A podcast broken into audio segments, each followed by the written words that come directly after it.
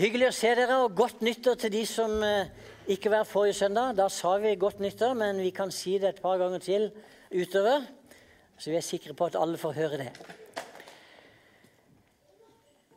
Vi har jo eh, sagt det at vi skal dette semesteret så skal vi gå gjennom første Korinterbrev. Vi kommer til å lese hvert vers, sånn som vi gjorde med Romerbrevet i fjor vår.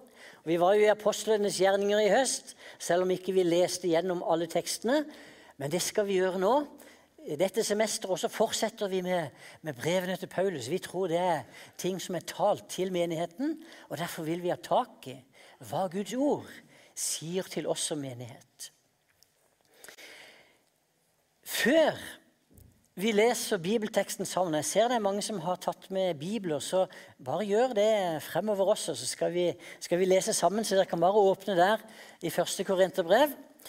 Men før vi gjør det, så, jeg, så, må jeg denne gangen ta litt sånn eh, bakgrunn for brevet. Denne første gangen, Så det blir en litt annerledes tale enn vi normalt har. Men det er viktig med den type taler også av og til. Og når vi skal studere et skrift i Bibelen, og f.eks. når vi skal lese et av brevene til Paulus, så er det viktig at vi kan stille noen spørsmål for å ha noen knagger som vi kan henge det på. Det ene er hvordan var forholdene i Korint? Hvordan var den byen som vi har å gjøre med her? Og Vi må også spørre hvordan var forholdene i menigheten som Paulus skriver til. Hvem var disse mottakerne av brevet? Og så må vi spørre hvorfor i all verden skrev Paulus første korinterbrev. Hva var årsaken og bakgrunnen for det? Når ble dette skrevet? Hvis vi ser først litt på åssen var denne byen Korint, som var, der, der, det hadde blitt etablert en kristen menighet. Historisk så vet vi det at i år 146 år før Kristus så ble Korint, det gamle Korint det ble angrepet av en romersk konsul som het Lucius Mummius. Han kjenner dere godt til. Og hans tropper. Og de okkuperte byen uten motstand. Og innbyggerne, enten ble de drept eller solgt som slaver. Så i år 146 før Kristus ble hele byen ødelagt, eliminert, utsletta. Og det ble faktisk også utstedt et sånt keiserlig dekret som sa det var forbudt å bygge opp igjen byen. Men ca. 100 år etter så kom Julius Cæsar. Han hadde hørt om. Og han lot faktisk byen bygge opp igjen. Og da som et helt nytt Korint. Når, hvis noen reiser til Korint i dag, så vil du faktisk ikke kunne se nesten noen ting av den opprinnelige Korint, det som var den greske byen, men du vil se mange sånne gamle bygg som romerne bygde opp da etter at, Julius Cæsar kom. Men denne byen, Korint, den var i en veldig spesiell og fordelaktig posisjon. Det var ikke bare sånn at hovedruta Du vet, De hadde sånne hovedhandelsveier som gikk mellom øst og vest på den tiden. Og den handelsruta den gikk innom Korint. Og ikke bare det at handelsruta gikk der, men Korint var også en viktig havneby. Så det var to havner i byen som stadig fikk last og hadde kontakt med verden rundt. Og dette Byen ligger jo, det er jo sør, eh, i sørenden av Hellas, dette, hvis dere ser på kartet. Og der er det et sånn tynt nes som tjente som en sånn slags broforbindelse mellom den halvøya, Peloponnes, og det greske fastlandet. Og Korint den lå liksom akkurat der i det neset. Og byen, det vet vi, den var velstående. Det var mange rike der. Og byen fikk, fikk, æren av å være hovedstaden i det de kalte for provinsen Akaya, og fikk faktisk da en guvernør som var bosatt i Korint. Så det var en veldig viktig by på denne tiden. Byen ble aldri kjent for filosofi eller kunst, og sånn som Aten. Men den var veldig kjent for sin politiske betydning, siden de hadde pro, og denne, denne prokonsulen eller guvernøren der. da. Ellers så vet vi også at Korint var kjent for sin løssluppenhet og tempelprostitusjon. Navnet Korint Noen har kanskje hørt det, men det ble faktisk brukt når de snakka om prostitusjon. Og korintiere det ble brukt for folk som drev med prostitusjon. Så byen var berykta for sin umoral.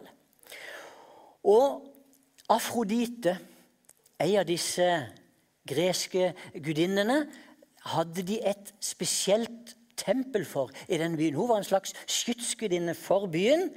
Og tilbedelsen av Afrodite den var kjent for å være spesielt umoralsk og løssluppen. Og det sies det i historiebøkene at kanskje så mange som 1000 prostituerte tjente i tempelet for Afrodite. Kan du se det for deg? Hvor stor innvirkning dette hadde på byen. Og Det påvirka jo selvsagt befolkningen, og veldig mange av de som da kom i menigheten i Korint, de hadde jo levd i dette og var blitt påvirka av den ånden som var i byen. Sånn som byen var på på Paulus' sin tid så kan vi si at den var det vi kaller kosmopolitisk. At det var mange forskjellige folkegrupper som bodde der. Med både grekere og romere, eh, folk mer fra østlandene og jøder. Mange jøder bodde også i byen, og det vet vi også når de, når de har gravd ut der. Så, du, så, finner du faktisk en innskrift i dag på et av byggene der det står 'Jødenes synagoge'. Og Det leser vi også i Bibelen. Når vi leser i Apostlenes gjerninger 18 og Paulus kom der, så kunne han gå til den jødiske synagogen og undervise. Så, så det fantes mange jøder i byen da Paulus kom. Og det var en storby på den tiden Kanskje det bodde så mange som 300 000 innbyggere i Korint. Og det var enormt stort på den tiden. Og Paulus Bare legg merke til det med en gang. Når han reiste på misjonsreiser, så dro han alltid til disse metropolene. Han dro til de stedene der det var mange mennesker, og han dro til stedene som var sentrale, sånn at mennesker som bodde der, f.eks. sjøfarende og andre handelsreisende, når de ble frelst, så tok de med seg evangeliet til de stedene de kom. Så Paulus han var en misjonsstrateg uten sidestykke. Og Hvis dere husker da vi hadde om romerbrevet, så sa jeg det at det var jo ikke Paulus som var den første som kom til Rom med evangeliet, men det var sannsynligvis forretningsfolk eller handelsreisende som hadde blitt frelst. Og så brakte de med seg evangeliet rundt. Det var en veldig strategi som Paulus hadde. Men i Korint så er vi ganske sikre på at Paulus var den første som forkynte evangeliet. Kan du se for deg det? Å komme inn i en by med 300 000 innbyggere. Ikke én der kjente navnet Jesus. Og så begynner Paulus sin virksomhet, og så bare tar det helt av. Jeg skal komme til det. Det var litt om byen. Hvis vi ser inn på menigheten, hvilket inntrykk er det som gis av den i Bibelen? Det var ikke først og fremst det skumle ryktet og den, denne her løsslupne eh, moralen som var i byen, som fikk Paulus til å dra til Korint. Men det var jo den brannen han generelt hadde om å forkynne Jesus for alle skapninger. Det var kjærligheten til Kristus som drev ham til Korint. Og når Paulus skriver i, i 1. Korinterbrev 3.: I kraft av den nåde Gud har gitt meg, la jeg grunnvollen som en klok byggmester og en annen bygger videre. Paulus skriver han var den som var grunnvollen. Han var den som begynte der. Og De første som ble vunnet for evangeliet Korint, det er sannsynligvis en som het Stefanas, og hans familie, som er nevnt i begynnelsen av brevet. I tillegg til Paulus så vet vi også at en som het Apollos, hadde arbeidet i Korint, og også Peter som vi skal se etterpå, så nevnes disse to inn i de grupperingene som hadde oppstått i menigheten. Men Apollos og Peter de hadde også vært der, og vi kan anta at sannsynligvis hadde Peter også vært der sammen med kona si. Vi hører ikke så mye om kona til Peter, vi bare hørte om svigermora. Og da må han jo ha hatt ei kone. Han helbreder svigermor en gang. Men Paulus han skriver det i 1. Korinterbrev 9. Har ikke også vi rett til å ha med oss en troende søster som ektefelle, slik som de andre apostlene og Herrens brødre og Kefas? Så du skal ikke se bort fra at noen, Peter og noen av de hadde reist rundt med konene sine etter hvert. Og at han også hadde vært i Korint. Én ting som vi er nødt til å si litt om når vi snakker om menigheten, det er at Menigheten i Korint er sannsynligvis den menigheten i Nytestamentet som hadde de største og alvorligste problemene. For å si det sånn Det vi har hatt i Philadelphia, det er peanuts, folkens. For i Korint Det som vi kan lese sånn og forstå de sleit med F.eks. det var en menighet som Paulus skriver til, som sto i fare for å bli splitta fordi Medlemmene de var organisert i ulike grupper. Kan du se det for deg? Under, nattverds, under nattverdsfeiringen i menigheten i Korint så var det noen som drakk de drakk så mye vin at Paulus måtte be dere må ikke drikke så mye vin. Og noen de spiste og fråtsa mens de satt fattige der, som ikke fikk noen ting. Det var nattverdfeiringen. Noen i menigheten de holdt offentlige rettssaker mot hverandre. Det var jo en skam at de gikk for ugudelige dommer, og så skulle de ha han til å mekle rettstvister mellom troende brødre. Det var hor i menigheten. Det mest graverende eksempelet det kan vi lese om i 1. Korintbrev 5. Det var en mann der som levde sammen med sin egen stemor. Og Paulus sier det er jo til og med en skam blant hedningene, og så sier de menigheten.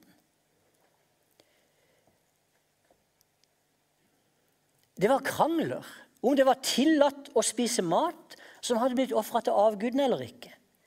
Det var uenighet åssen det var med ekteskapet. Noen mente til og med det var greit å ha seksuelle relasjoner utenfor ekteskap. De hadde med seg mye av det gamle fortsatt. Det var uorden i gudstjenestene. Paulus måtte ta tak i det. Det var, det var galskap noen ganger, det de holdt på med. Det var noen i menigheten som til og med fornekta oppstandelsen fra de døde. Noen de betvilte at Paulus var en apostel. Det var korintermenigheten. Er noen som har lyst til å bli pastor der? Men så nærmer vi oss litt her. Så spør jeg ja, hvorfor skrev da Paulus første korinterbrev? Da skal jeg gi dere del. Vi må ha del i åssen var Paulus sin historie, åssen var Paulus sin kontakt med korintermenigheten. Vi vet det at første gang Paulus kom til Korint, da hadde han vært i Aten. Og så møter han der for første gang òg de som heter Akvilas og Priscilla. Eh, hun kalles også Priska i slutten av første Korinterbrev. Men så Priska og Priscilla det er samme dame, hvis dere leser de versene. Og når Paulus kom til Korint, så forkynte han altså først i synagogen. Gjorde det med enda større frimodighet da Silas og Timoteus, medarbeiderne, kom. Men så møtte han motstand. Det som jeg forteller nå, Dette kan vi lese om i Apostlenes gjerninger 18, for der står det om hvordan Paulus sitt første besøk i Korint var. Men han møtte motstand i synagogen, og det førte til at han ikke lenger kunne forkynne der. Og så dro han over i nabohuset til en som het Titius Justus. Og det huset lå altså rett ved siden av synagogen. Men synagogeforstanderen Krispus det er et navn som nevnes i Bibelen og i 1. Korinterbrev.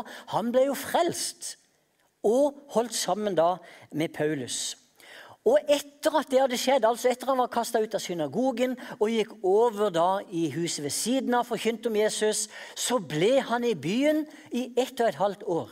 Det står det veldig tydelig i Bibelen. Og Da forkynte han både til hø, høder, jøder og hedninger.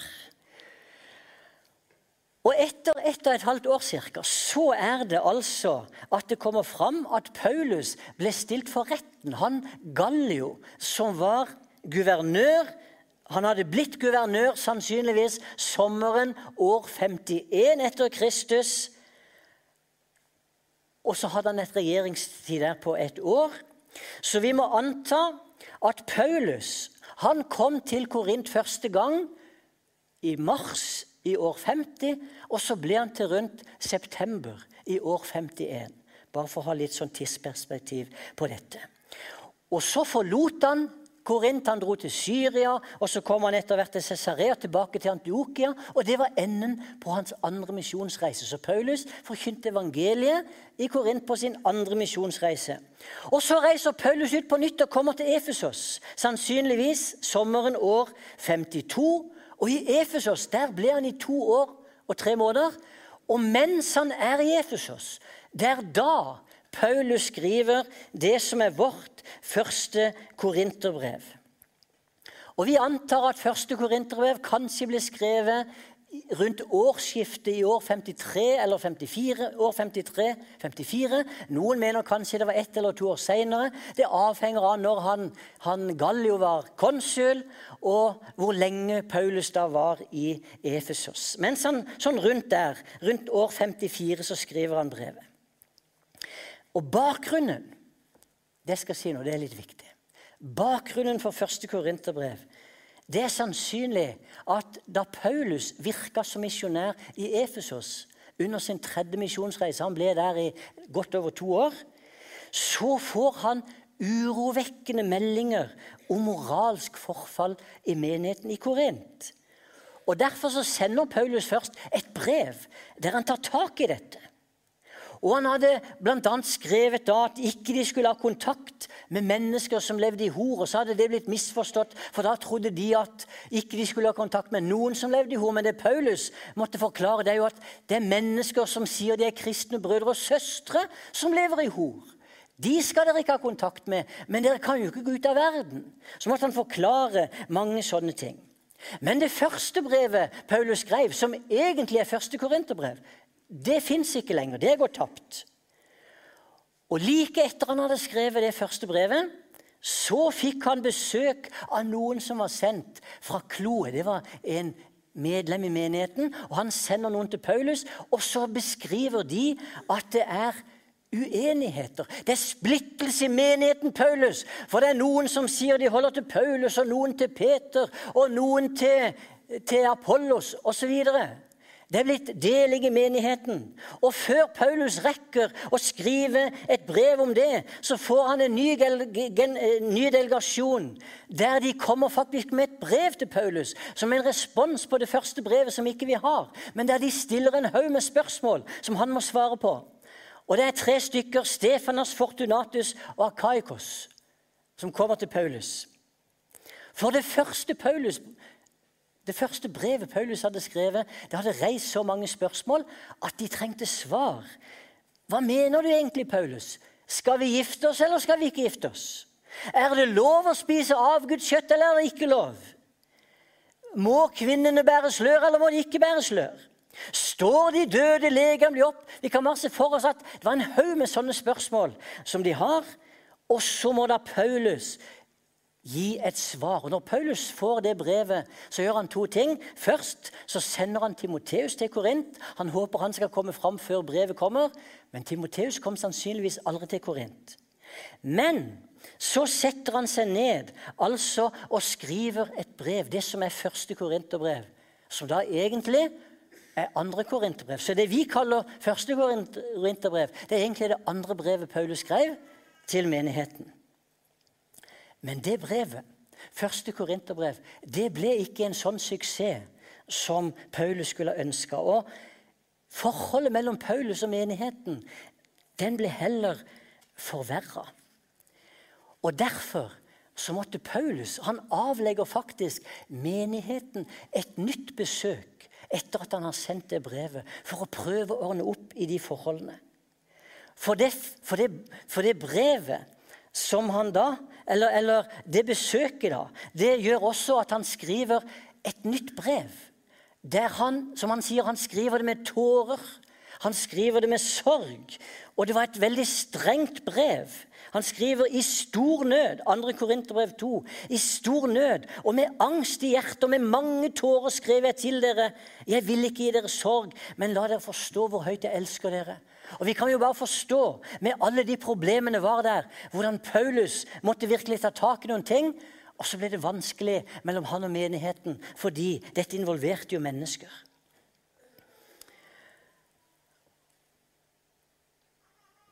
Så det som da er det tredje korinterbrevet, det har vi heller ikke, men det også er omtalt i andre korinterbrev, som egentlig da er det fjerde korinterbrevet. Avansert, dette. Men sånn er det. altså det som er vårt første korinterbrev, er egentlig det andre. Det som er vårt andre korinterbrev, er egentlig det tredje. For da kan vi lese i andre korinterbrev hvordan Paulus da må forklare og forsvare og forsøke å ordne opp i dette. Så han skrev fire brev til menigheten, og han besøkte menigheten minst to ganger. Kanskje tre. Jeg tar meg ikke tid til å lese alle disse versene nå, men dere kan lese det i Bibelen. Men han skriver i alle fall at han hadde planer om å besøke Korint for tredje gang. Og kanskje han gjorde det. Ok, Denne bakgrunnen er viktig at vi har når vi går inn i første Korinterbrev. Paulus han har fått melding om at ikke det står bra til med menigheten, og når man skriver et brev for å ta tak i dette. Og Denne første gangen så gjør vi det litt annerledes. Hvis dere har Biblene her nå, så skal vi gjøre sånn som vi gjorde første gang med romerbrevet. Vi skal rett og slett kort bare ta for oss de 18 første versene av første Korinterbrev. Som tittel på talen i dag har jeg satt 'Korsets kraft og enhet'. Korsets kraft og enhet. Da leser vi vers 1 og 2. Og når Bibelen er åpen, taler Gud, og når Gud taler, så skjer det noe. Paulus, som etter Guds vilje er kalt til Kristi Jesu apostel over bror Sostenes, hilser Guds menighet i Korint, dere som er helliget i Kristus Jesus og kalt til å være hellige, sammen med alle som på hvert sitt sted påkaller vår Herre Jesu Kristi navn, Han som er deres og vår Herre. Sostnes, hvem var det? Jo, det var også en tidligere jødisk forstander som hadde vært i synagogen i Korint, som hadde blitt frelst sammen med Krispus. Men Sostenes var nå sammen med Paulus i Efesos, og det er de to som skriver og sender dette brevet. Så egentlig kunne vi sagt at det er Paulus og Sostenes brev til korinterne. For han var med ham der. Han var ikke apostel, men han kalles bror. Og hadde altså tidligere vært forstander i den jødiske synagogen. Det var han, Hvis dere leser i Apostlenes gjerninger 18 så kan dere lese da Paulus ble stilt fram for Gallio fordi de førte sak mot han, så banka de opp Sostenes, for han holdt til i hans hus, og han kjente til disse folkene. Han var kanskje ikke blitt kristen engang på den tiden, kanskje han bare var jøde ennå. Men han ble banka opp foran Gallio uten at han grep inn, for han ville ikke gripe inn i stridsspørsmål om tro. Så det er Sostenes. De hjulte han opp. Ordet menighet, og det skal vi komme inn på i løpet av disse talene i år. Men ordet menighet det brukes 22 ganger i første Korinterbrev, så det er et sentralt ord her.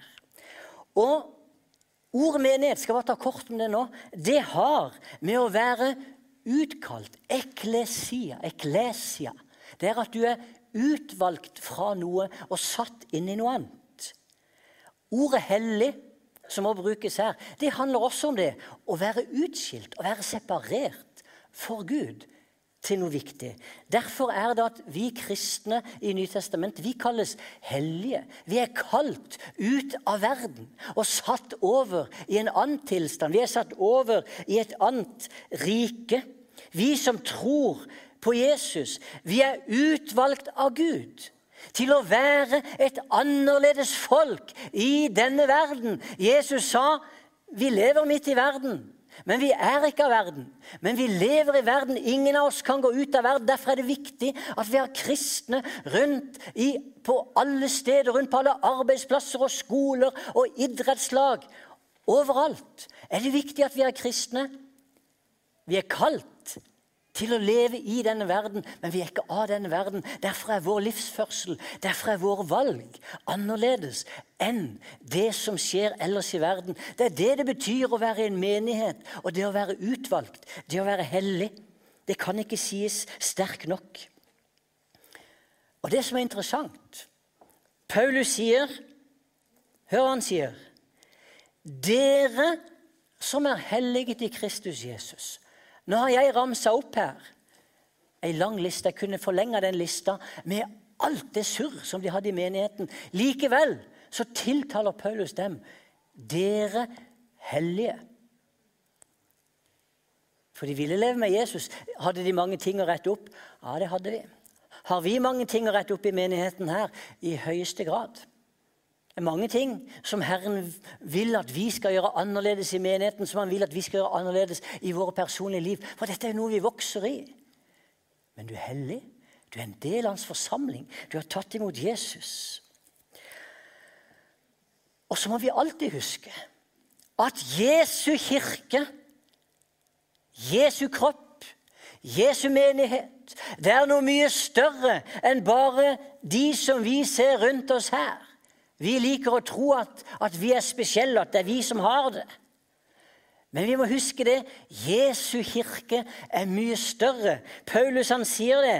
At vi er hellige, vi er kalt til å være hellige sammen med alle som hver på sitt sted påkaller vår Herre Jesu Kristi navn. Jesu kirke er mer enn Philadelphia Vennesla. Jeg vet at vi vet det, men vi må minne oss på det, så ikke vi blir høye på oss selv. Vi er, en, vi er, en, liten del av den store Jesu kropp. Og ikke bare de som lever i dag, men alle som har gått før. Alle som kommer etter oss. Det er den fullkomne Jesu kropp. Men når, brukes, når, ordet menighet brukes i Bibelen, så brukes det både om den menigheten som er her. Jesu fullkomne menighet er her. Samtidig er Jesu fullkomne menighet også den universelle kirke, som vi bare er en liten del av.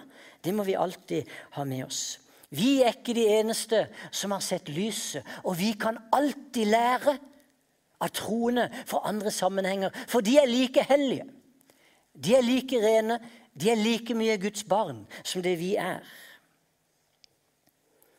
Vers 3.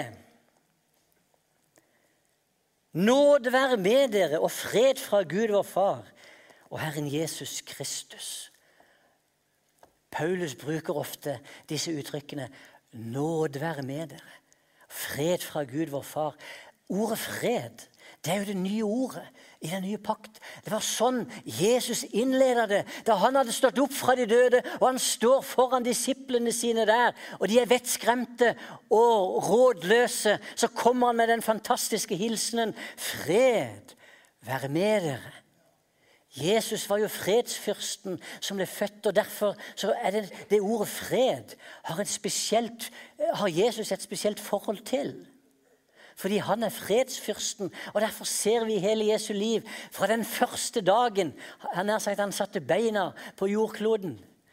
Så synger englene på himmelen 'fred på jorden'. Og Jesus lar det være den nye hilsen. Og vi er ikke så flinke til det i, i Norge, med sånne hilsener. Men i Brasil, der Hilde og jeg jobba som misjonærer noen år det, det, var det første vi sa når vi møtte hverandre. Alltid. A paz do senor. Så ga vi et kyss på kinnet og forskjellig. Herrens fred. For det var den hilsen som kom. Og kanskje vi skal, kanskje vi skal, inn, skal vi ikke bare innføre det i Philadelphia? Ikke noe problem, det. At fra og med i dag så skal vi si jeg skal, jeg skal gå i første rekke. Herrens fred. Kan gjerne si 'Herrens fred være med deg'. A paz do senor. Hvis noen vil si det på portugisisk, så kan dere det òg. Men Herrens fred være med deg. Det ligger noe i det. Og Paulus han, han bare lar altså denne hilsenen komme til menigheten. Og så sier han i vers 4 Hør på den, det er sterkt. Jeg takker alltid min Gud for dere for den nåde han har gitt dere i Kristus Jesus. Hører dere hva jeg sier? Eller hørte dere hva jeg sa? Menigheten var oppsplitta i ulike grupperinger. Under nattverdfeiringen var det delvis noe som utdatta nesten til en fyllefest. Og kan du se hvordan de rike sitter der og fråtser, og de fattige ikke har noe? Kan du se at i menigheten så er det folk som ikke har kommet ut av det at det må da kunne være greit å, å, å, å ha sex utenfor ekteskapet? De var vant med den tempelprostitusjonen. Det, det kan da ikke være noe problem. Tenk han som lever sammen med sin egen stemor. Tenk alle disse kranglene de hadde. Tenk på uordenen de hadde i møtene. Tenk at det var folk der de trodde ikke engang at de døde skulle stå opp, osv. Nevnte de i stad. Og så kommer Paulus, og så, så skriver han Jeg takker alltid min Gud for dere. For den nåde han har gitt, meg, gitt dere i Kristus Jesus. Åssen ville du innlede et sånt brev? Hvis du kjente til de forholdene i menigheten, hva ville du ha skrevet? Jeg takker min Gud. Paulus han takker ikke for synden. Han takker ikke for at de lever imot Guds vilje. og nå skal dere fortsette å leve som før, Men det er jo for at han skal ta tak i noe. Mens han skriver Han skriver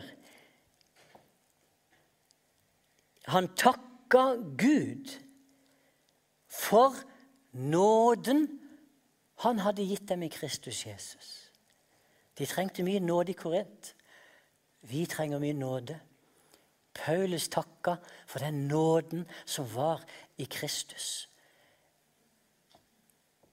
Og Det har jeg sikkert sagt i noen taler også, men, og det er ikke tull. Men jeg, jo eldre jeg blir, jo eldre jeg blir, jo viktigere har det blitt at Gud er nådig jeg har vokst opp i et kristen hjem. Jeg har alltid vært frelst. Alltid vært viktig for meg med Jesu nåde fra lenge før jeg begynte på skolen. Barn kan forstå dette, ser du. Barn forstår det. Men det har blitt viktigere sett du verden hvor mye nåde vi trenger. Hvor mye nåde jeg trenger! Vi kommer ikke utenom. Og Paulus han takker Gud. Det fantes fortsatt nåde for menigheten i Korint. Det er fantastisk. Og det sier litt om den kjærligheten, litt om den tålmodigheten og nåden som Paulus var fylt med.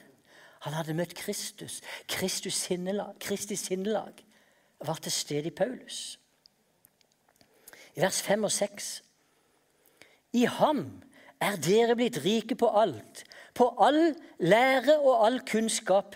Vitnesbyrdet om Kristus har da også fått sikkert feste hos dere. De var rike.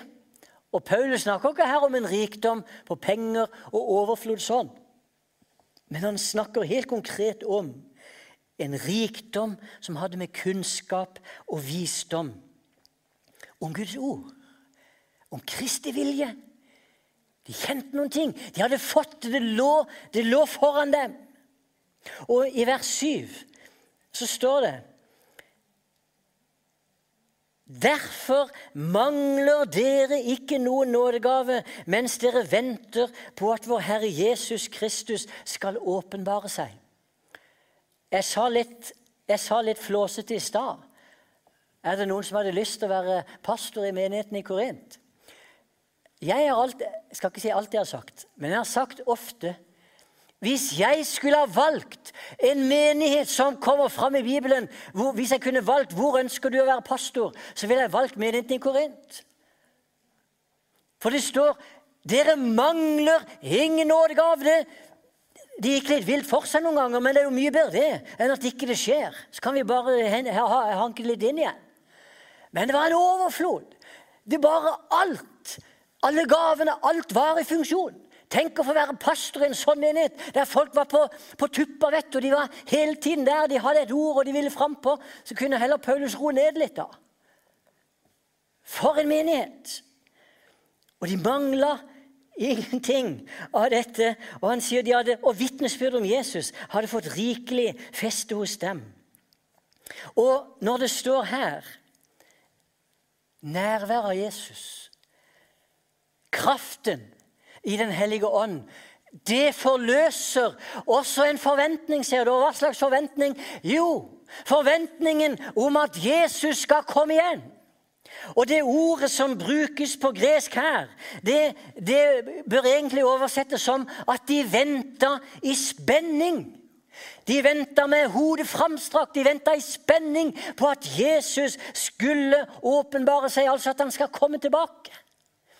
For når vi har smakt nærværet av den levende Gud, når vi har sett gavene i funksjon, og sånn som Paulus òg, som hadde hatt det nære forholdet til Jesus, da lengter han etter å være sammen med han helt og fullt. Og Paulus ble jo revet i dette. Han skriver om det andre steder, hvordan han visste ikke åssen han skulle gjøre dette. For på den ene siden så han det er nødvendig at jeg er her for å hjelpe dere, men jeg lengter sånn etter Jesus.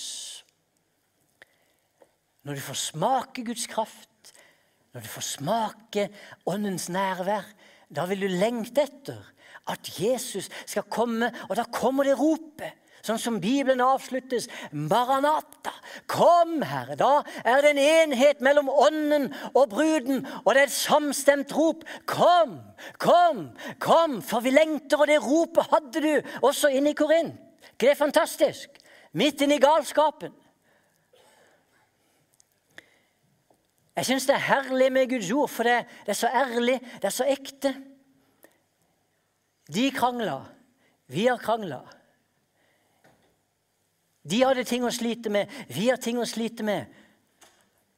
Men de tilhørte Jesus. Paulus selv hadde opplevd å krangle med Barnabas, krangla med Peter. Men Guds rike, det går fram. Og Derfor taler jeg det som en trøst. Ikke se ned på menigheten. Ikke forakt Jesu menighet, selv om det fins noen der som har noen ting å ta tak i. Ikke gi opp. Ikke gi opp, Filadelfia og Vennesla. Vi er fortsatt underveis. Vi er fortsatt Jesu menighet. Så står det i vers 8.: Han skal grunnfeste Nei, han skal også grunnfeste dere helt til enden kommer, så dere kan stå uten å bli anklaget på vår Herre Jesu Kristi dag. Fantastisk. Jesus han skulle grunnfeste de troende til enden. De trengte det nå inn i synden, inn i oppgjøret. Men Jesus skulle grunnfeste dem. For Paulus han hadde jo et mål, det vet vi når han skriver andre steder. Han skulle føre bruden fram. Altså, de troende, de som tror på Jesus, skulle føre dem fram som en brud. En ren brud for Kristus. Han skriver jo i 2. Korinterbrev 11.: Jeg vokter dere med Guds brennende sjalusi. Jeg har lovet dere bort til Kristus og bare til, til ham, for å føre dere til ham som en ren jomfru. Vi er forlova med Kristus. Filadelfia Vennesla òg. Del av Jesu, det som skal bli Jesu brud. Og Paulus, Det var derfor han hadde den nidkjærheten. Det var derfor han måtte skrive skarpt. Det var derfor han hadde skrevet et brev som de kaller tårebrevet, det som er tredje korinterbrev. Der han er helt oppløst for de besøkene hans som han hadde hatt da etter at ikke første korinterbrev fikk orden på ting. Det var et, et forferdelig besøk. Det var fryktelig for han å være der. Fordi han elska dem. Han skulle føre dem fram som en brud for Kristus. Jeg vokter dere med Guds brennende sjalusi. Så står det i vers 9.: Gud er trofast, Han som har kalt dere til fellesskap med sin Sønn, Jesus Kristus, vår Herre. Grunnen til at vi kan være grunnfesta i Kristus, til tross for våre feil og mangler, det er fordi Gud er trofast. Han kan ikke fornekte seg selv. Han er trofast. Han har lovt. Og det er derfor han holder oss fast. Ikke fordi vi har vært trofaste, ikke fordi vi har levd et perfekt liv, men han er trofast mot sitt ord og mot evangeliet. Han er trofast mot løftet om hvordan vi blir tilgitt og frelst. Og Så kommer det videre. Det var liksom innledningen. Og så kommer da, så begynner Paulus å ta tak i det som skjer vers 10. Jeg formaner dere søsken ved vår Herre Jesu Kristi navn at dere må være enige. La det ikke være splittelse blant dere, men stå sammen i syn og tanke. I ordene som Paulus bruker her, så formaner han menigheten til at dere skal si det samme. Det er sånn det står. Dere skal si det samme og det skal ikke være splittelse.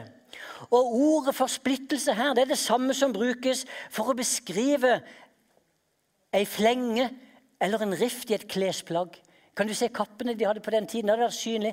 Hvis den var flenga, da kunne se her er det noe som er galt. Og når det var splittelse mellom de troende, det var som det var ei flenge i menigheten som alle kunne se. Og det var en skam. Og Derfor måtte de ordne opp i dette. Og Paulus han formante at de skulle komme tilbake til den enheten og enigheten som de hadde hatt i utgangspunktet. Ja, Ordene som brukes, det er på den måten at de skulle, de skulle være bundet sammen som tauene i et garn. Det er det han skriver. Dere må bli bundet sammen igjen. Det er som garnet må bli helt. Det er hull i garnet.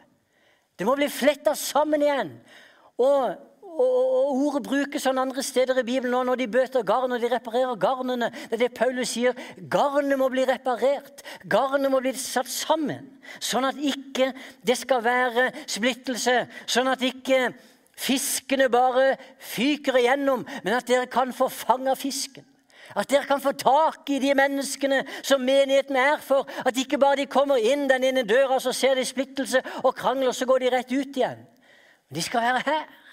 Dere må ha dem inn i garnet. Og det er ikke negativt sett å bruke garn. kan høres voldsomt ut at vi skal fange folk i garn. Det er jo ikke det vi holder på med. Men det er et bilde på hvordan menigheten skal kunne ta imot dem som kommer.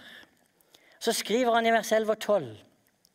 For noen av Kloes folk har fortalt meg, søsken, at det er stridigheter blant dere. Så kommer det. Jeg sikter til dette at noen av dere sier 'jeg holder meg til Paulus', mens andre sier til Apollos, til Kefas eller til Kristus. Kan du tenke oss en gruppe de hadde? Jeg holder meg til Paulus. Så hadde vi noen der borte. De eh, likte Peter, og de likte Apollos. Og, og noen likte Kristus. Og kanskje var det sånn Det står om Apollos. Han, var jo, han hadde ord i sin makt. Han var godt kjent i Skriftene. Han var kanskje en glimrende underviser, og folk de bare satt der og elska å lytte. De som likte Peter, det kan godt være det var de som ville ha litt sus og tegn og under. Du vet, Peter noen ganger når han bare han gikk på, på, på, på, veien der, vet du, så la de ut de syke for at de skulle bli helbredet. Det skjedde mirakler og hadde vært med å vekke opp døde. Kanskje det var noen som tenkte at Peter er mannen, og, og, Paulus kanskje han var en spesiell inspirator. og ja, Vi, vi, vi løfter Paulus fram. Og Paulus han kunne blitt smigra av det. Det var jo faktisk noen i menigheten som sa ja, men vi holder med Paulus. Han kunne jo bare sagt den gruppa er den beste, gå til de som hører med Paulus. Men han sier dette er feil. Og så hadde du de som sa ja, men vi, vi holder oss til Kristus. Skal jeg si det nå? Det var den verste gruppa alle det var de stolte. Ja, men de andre Nei, men vi er bare med Kristus. Jeg har møtt sånne mennesker i dag òg. Husker for en del år tilbake ute i Greipstad. Så var det var, var ei lita gruppe der. De skulle, de skulle, plante en menighet, og de skulle ikke ha noe navn på menigheten. Den het bare Menigheten. Det var liksom, det var Jesu menighet i Greipstad. Det var ikke så lenge han varte. Noen år så ble aldri flere enn seks-syv stykk heller. Stolthet. Det oppreger noen av de som var der. Men Paulus han tar tak i dette, og så sier han i vers 13.: Er da Kristus blitt delt? Var det kanskje Paulus som ble korsfestet for dere, eller ble dere døpt til Paulus' navn? Det er alvorlig om det er uenighet og krangler og splid i en menighet. Jesus han sa det. Hvis et rike kommer i strid med seg selv, så kan de ikke bli stående. I Matteus 12 Jesus visste hva de tenkte seg til dem. Hvert rike som kommer i strid med seg selv, blir lagt øde. Og en by eller et hus som kommer i strid med seg selv, kan ikke bli stående. Menigheten er jo en kropp. Og hvis lemmene ikke, og det, det underviser Paulus senere der, hvis lemmene ikke fungerer sammen, så fungerer ikke kroppen. Eller hvis jeg begynner å kappe av et lem, så har vi ei gruppe der. Kappe av et annet lem, så har vi ei gruppe der. Det sier seg selv. dette går ikke. Så Paulus han bruker noen veldig banale, men også tydelige og alvorlige eksempler. Og det ordet for å dele her som brukes, det, det betyr egentlig det at du, du, deler opp i biter for å dele ut. Akkurat som du kan dele opp et brød og dele ut. Sånn var menigheten blitt delt, og så delte de ut litt av Kristus der. Og de tok litt av Kristus der, og de tok litt av Kristus der. Og så hadde du de som mente ja, men vi har fått hele Kristus. Paulus han kunne ha blitt smigra. Det var ei gruppe for han. Men den kristne enheten, den er så viktig. Og jeg sier det her i dag. Den kristne enheten, den kan ikke overvurderes. Den kan ikke det. Enhet Jeg har vært inne på det sikkert i mange mange taler, men vi må stadig bli minnet om det, hvor viktig det er i Guds ord. For gjennom enheten så går vi gjennom jernbommer, knuser murer, knuser fjell. Det er ingenting som kan hindre Guds kirke å gå fram når hans folk er ett, og de kommer til enighet i det som er hans ord, Jesu ord. Ingenting. Til og med ugudelige mennesker, de kan nå langt. Hvis det er ett Det står om de ugudelige menneskene som bygde Babels tårn at da de reiste det tårnet, så steg Gud ned for å forvirre språkene deres. For han sier de er ett språk. De har ett språk. De er en enhet. Nå vil ingenting være umulig for dem. Fordi de hadde ett språk. De var ett. Derfor måtte Gud, for, måtte Gud spre dem. Hindre dem i å være ett. For hvis de sto sammen, så kunne de få til ufattelige ting. Og så er pinsen kommet. Gud forvirra, men gjennom pinsedag så forener han Guds folk. Og tungene, det er jo med på Når vi taler englers tunger, vi taler det språket som Gud gir, så er det med på å forene. Og derfor, i alle land jeg har vært, i alle kulturer jeg har vært, når jeg møter mennesker som er født på ny, og som taler Guds ord, og som når vi ber sammen Jeg kjenner en enhet med dem i min ånd. Jeg forstår ikke et ord av hva de sier, men vi bare kjenner det. Og noen av dere som har reist, dere vet hva jeg snakker om. Vi smelter sammen i en enhet. Og den enheten, det er det som vi også skal bestrebe oss på å ha.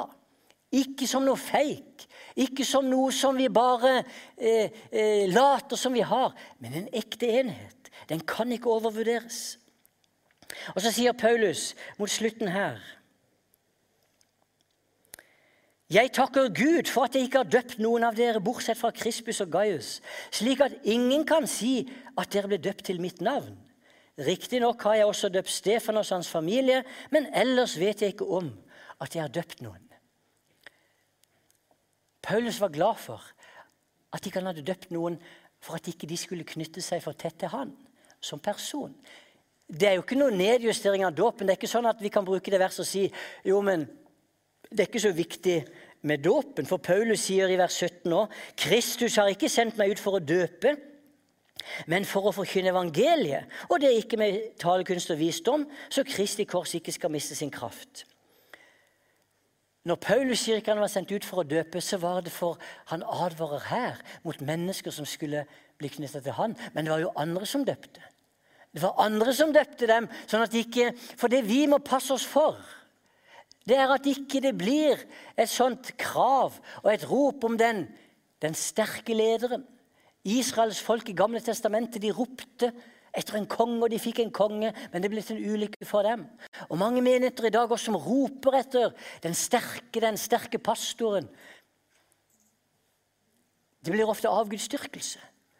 Og når pastoren faller, så faller hele menigheten. Vi må sørge for at vi bygger en menighet på det nytestamentlige grunnlag, der det er et lederskap. Det var apostlene, det var de eldste, det var de som sto sammen.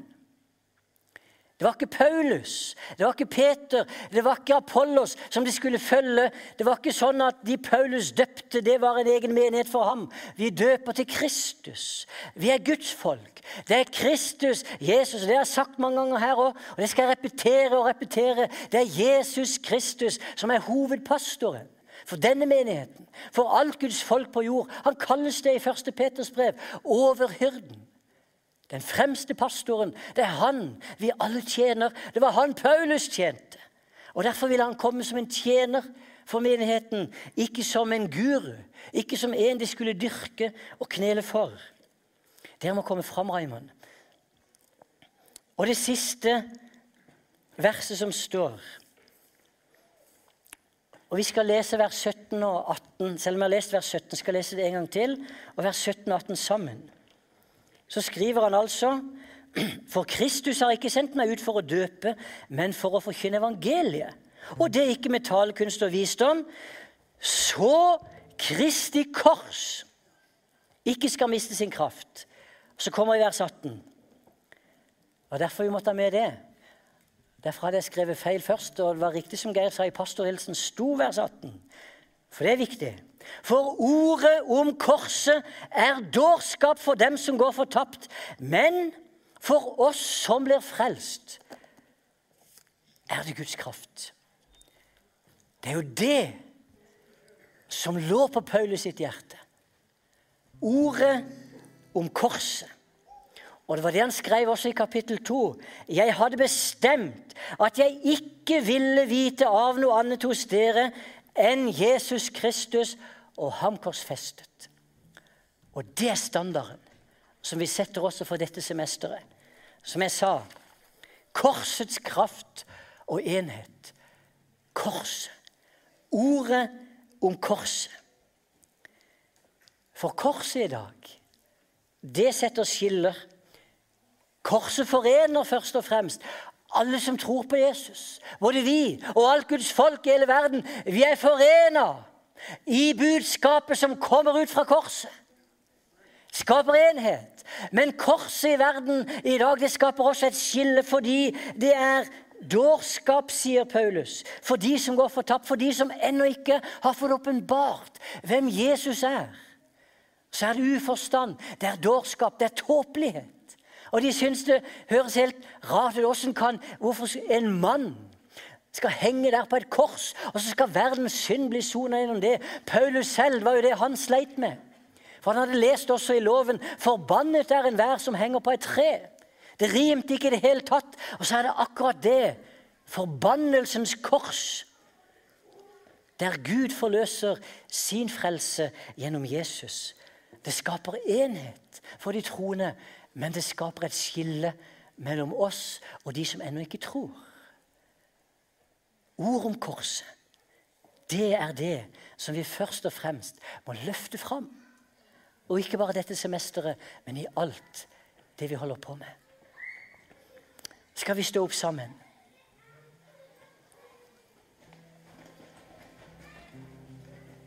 Og Vi skal be litt sammen også i slutten av dette møtet, før vi spiser en god middag sammen. Men vi skal være her noen minutter. Søke Herren. Skal vi, skal vi takke Jesus?